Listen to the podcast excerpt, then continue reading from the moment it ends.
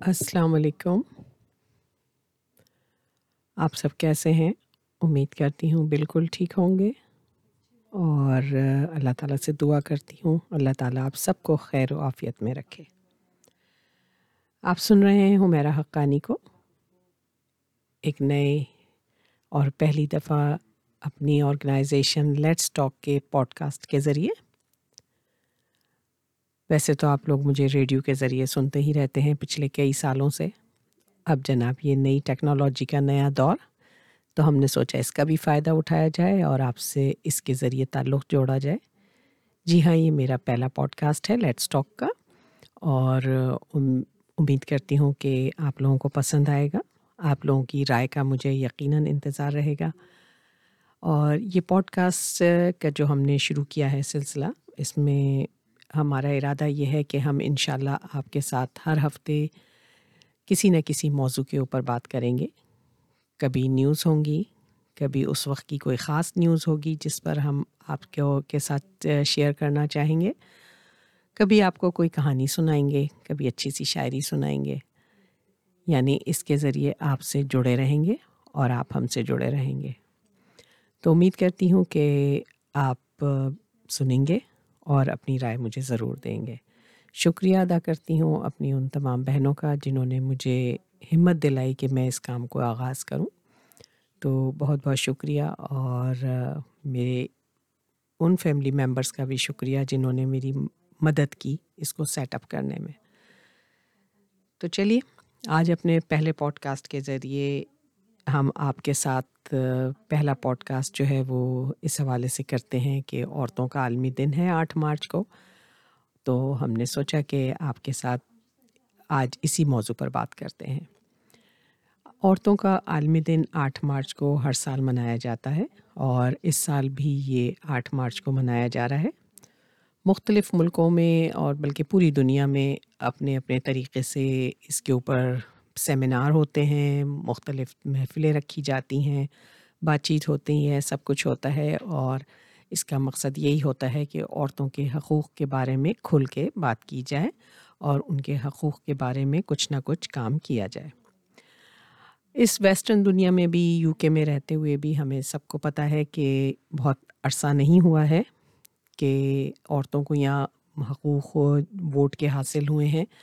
ابھی انیسویں صدی میں ہی ہمیں ووٹ کے حق حاصل ہوا تھا۔ اس سے پہلے نہ عورتوں کو جائیداد لینے کی اجازت تھی، نہ ان کے نام جائیداد جا سکتی تھی، نہ وہ ووٹ دے سکتی تھیں۔ تو ابھی کیونکہ اس دور میں اور ہمارا ملک یعنی ہمارے پاکستان یا انڈیا، یا بنگلہ دیش کے سے جو ہم لوگوں کا تعلق ہے ہمارے یہاں، تو ہم ابھی بہت پیچھے ہیں۔ کہیں ہمیں مذہب کے نام پہ، تو کہیں ہمیں کلچر کے نام پہ دبا دیا جاتا ہے اور روک دیا جاتا ہے۔ جس کی وجہ سے یہ ہوتا ہے کہ ہمارے یہاں سب سے زیادہ آپ کو عورتوں کے اوپر مظالم دیکھنے کو ملتے ہیں۔ ایک رپورٹ کے مطابق ترانوے فیصد عورتیں پاکستان میں، نائنٹی تھری پرسینٹ عورتیں پاکستان میں۔ ان کا کہنا یہ ہے کہ انہیں زندگی کے کسی نہ کسی حصے پر، کسی نہ کسی موڑ پہ، کسی نہ کسی زیادتی کا نشانہ ضرور بنایا گیا ہے۔ بعض دفعہ ہم بہت، جب بچیاں چھوٹی ہوتی ہیں تو ہمیں پتہ نہیں ہوتا، ہمارے ماحول میں بہت ساری زیادتیوں کو بچیاں خود ہی شرم حیا کی بات، وجہ سے شیئر نہیں کرتی۔ اور بہت ساری جگہ بچیوں کے والدین ان کے ساتھ ہونے والی زیادتی کو دیکھ کے خاموشی اختیار کر لیتے ہیں کہ اسی میں عزت ہے، اسی میں ہماری بقا ہے۔ لیکن زیادتیاں رکتی نہیں ہیں، ہوتی چلی آ رہی ہیں۔ کبھی بچیوں، چھوٹی بچیوں کو غلط جگہ چھونا، بڑی بچیوں کا اسکول جانا، لڑکوں کا چھیڑنا، اسکول کے باہر میں لڑکوں کا کھڑا ہو جانا، کبھی کسی کے رنگ پہ، کبھی کسی کے قد پہ، کبھی کسی کے حجم پہ آوازیں کسنا۔ یہ سب زیادتیاں ہیں۔ پھر بچی کا جوان ہونا، ماں باپ کی چوائس کے مطابق تعلیم حاصل کرنا، ماں باپ کی چوائس کے مطابق ہی اپنا ہم سفر کے آگے سر جھکا دینا۔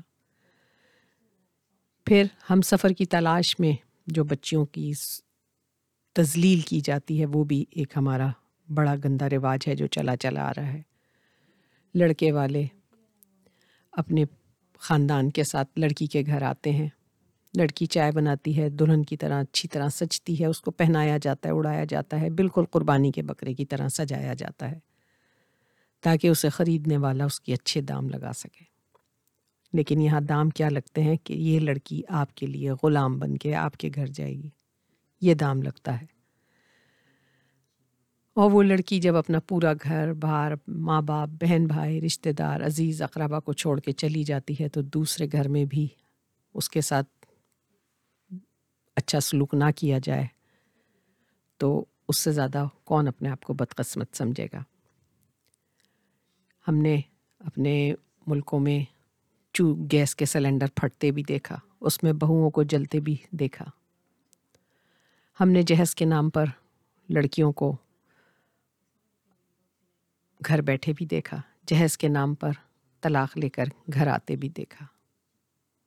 یہ ساری وہ زیادتیاں ہیں جو عورتوں کے ساتھ، لڑکیوں کے ساتھ، ایک فیمیل ہونے کے ناطے، ایک عورت ہونے کے ناطے بچپن سے ہم لوگوں کو فیس کرنی پڑتی ہیں۔ تو اس عالمی دن کے حوالے سے میرا پیغام یہی ہے کہ اپنے حق کے لیے آواز اٹھائیے، لیکن صحیح طریقے سے۔ آواز وہی کانوں کو اچھی لگتی ہے جسے صحیح طریقے سے بیان کیا جائے۔ ہماری یہاں بدقسمتی سے پاکستان میں جس اس کوز کے لیے آواز اٹھانے کا جو طریقہ ہے، وہ اتنا غلط طریقہ ہو جاتا ہے کہ وہ کوز بھول کے لوگ اس کے جو پلے کارڈ ہیں، ان کے اوپر تبصرے کرنا شروع کر دیتے ہیں۔ لیکن میں آپ سب سے یہی کہوں گی کہ اس عورتوں کے عالمی دن کے دوران، کے اوپر یہ دیکھیے، پہچانیے ان عورتوں کو جنہوں نے دنیا میں بڑے بڑے کام کیے۔ آج بھی دنیا بھری پڑی ہے ایسی عورتوں کے ناموں سے۔ دیکھنا چاہیں، ڈھونڈنا چاہیں تو بہت مل جاتی ہیں۔ میں تو ہر اس عورت کو سلام کرتی ہوں، چاہے اس نے دنیا میں کوئی جہاز نہ اڑایا ہو، چاہے کوئی بڑی جنگ پہ نہ شریک ہوئی ہو، لیکن جس نے اپنے بچوں کی اچھی تعلیم، تربیت کر دی، وہ بھی عورت عزت کے قابل ہے۔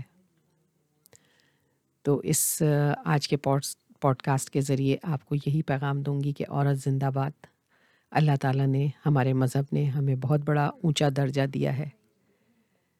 کہیں بیٹی بنا کے باپ کے لیے رحمت بنا دی ہے، کہیں بیوی بنا کے بہترین دوست بنا دیا ہے، کہیں ماں بنا کے جنت تھما دی ہے۔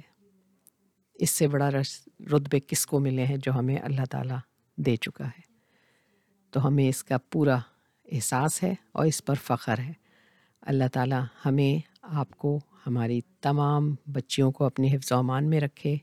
بچوں کو بھی حفظ و امان میں رکھے اور یہی پیغام ہے کہ اپنا حق لیجیے لیکن کسی کا حق چھین کر نہیں۔ جو آپ کا حق بنتا ہے، اس کے لیے آواز اٹھائیے اور خوشی سے رہیے اور رہنے دیجیے آج کا یہ پروگرام اتنا ہی تھا۔ انشاءاللہ اگلے پوڈ کاسٹ تک کے لیے آپ سے اجازت چاہتی ہوں۔ فی امان اللہ۔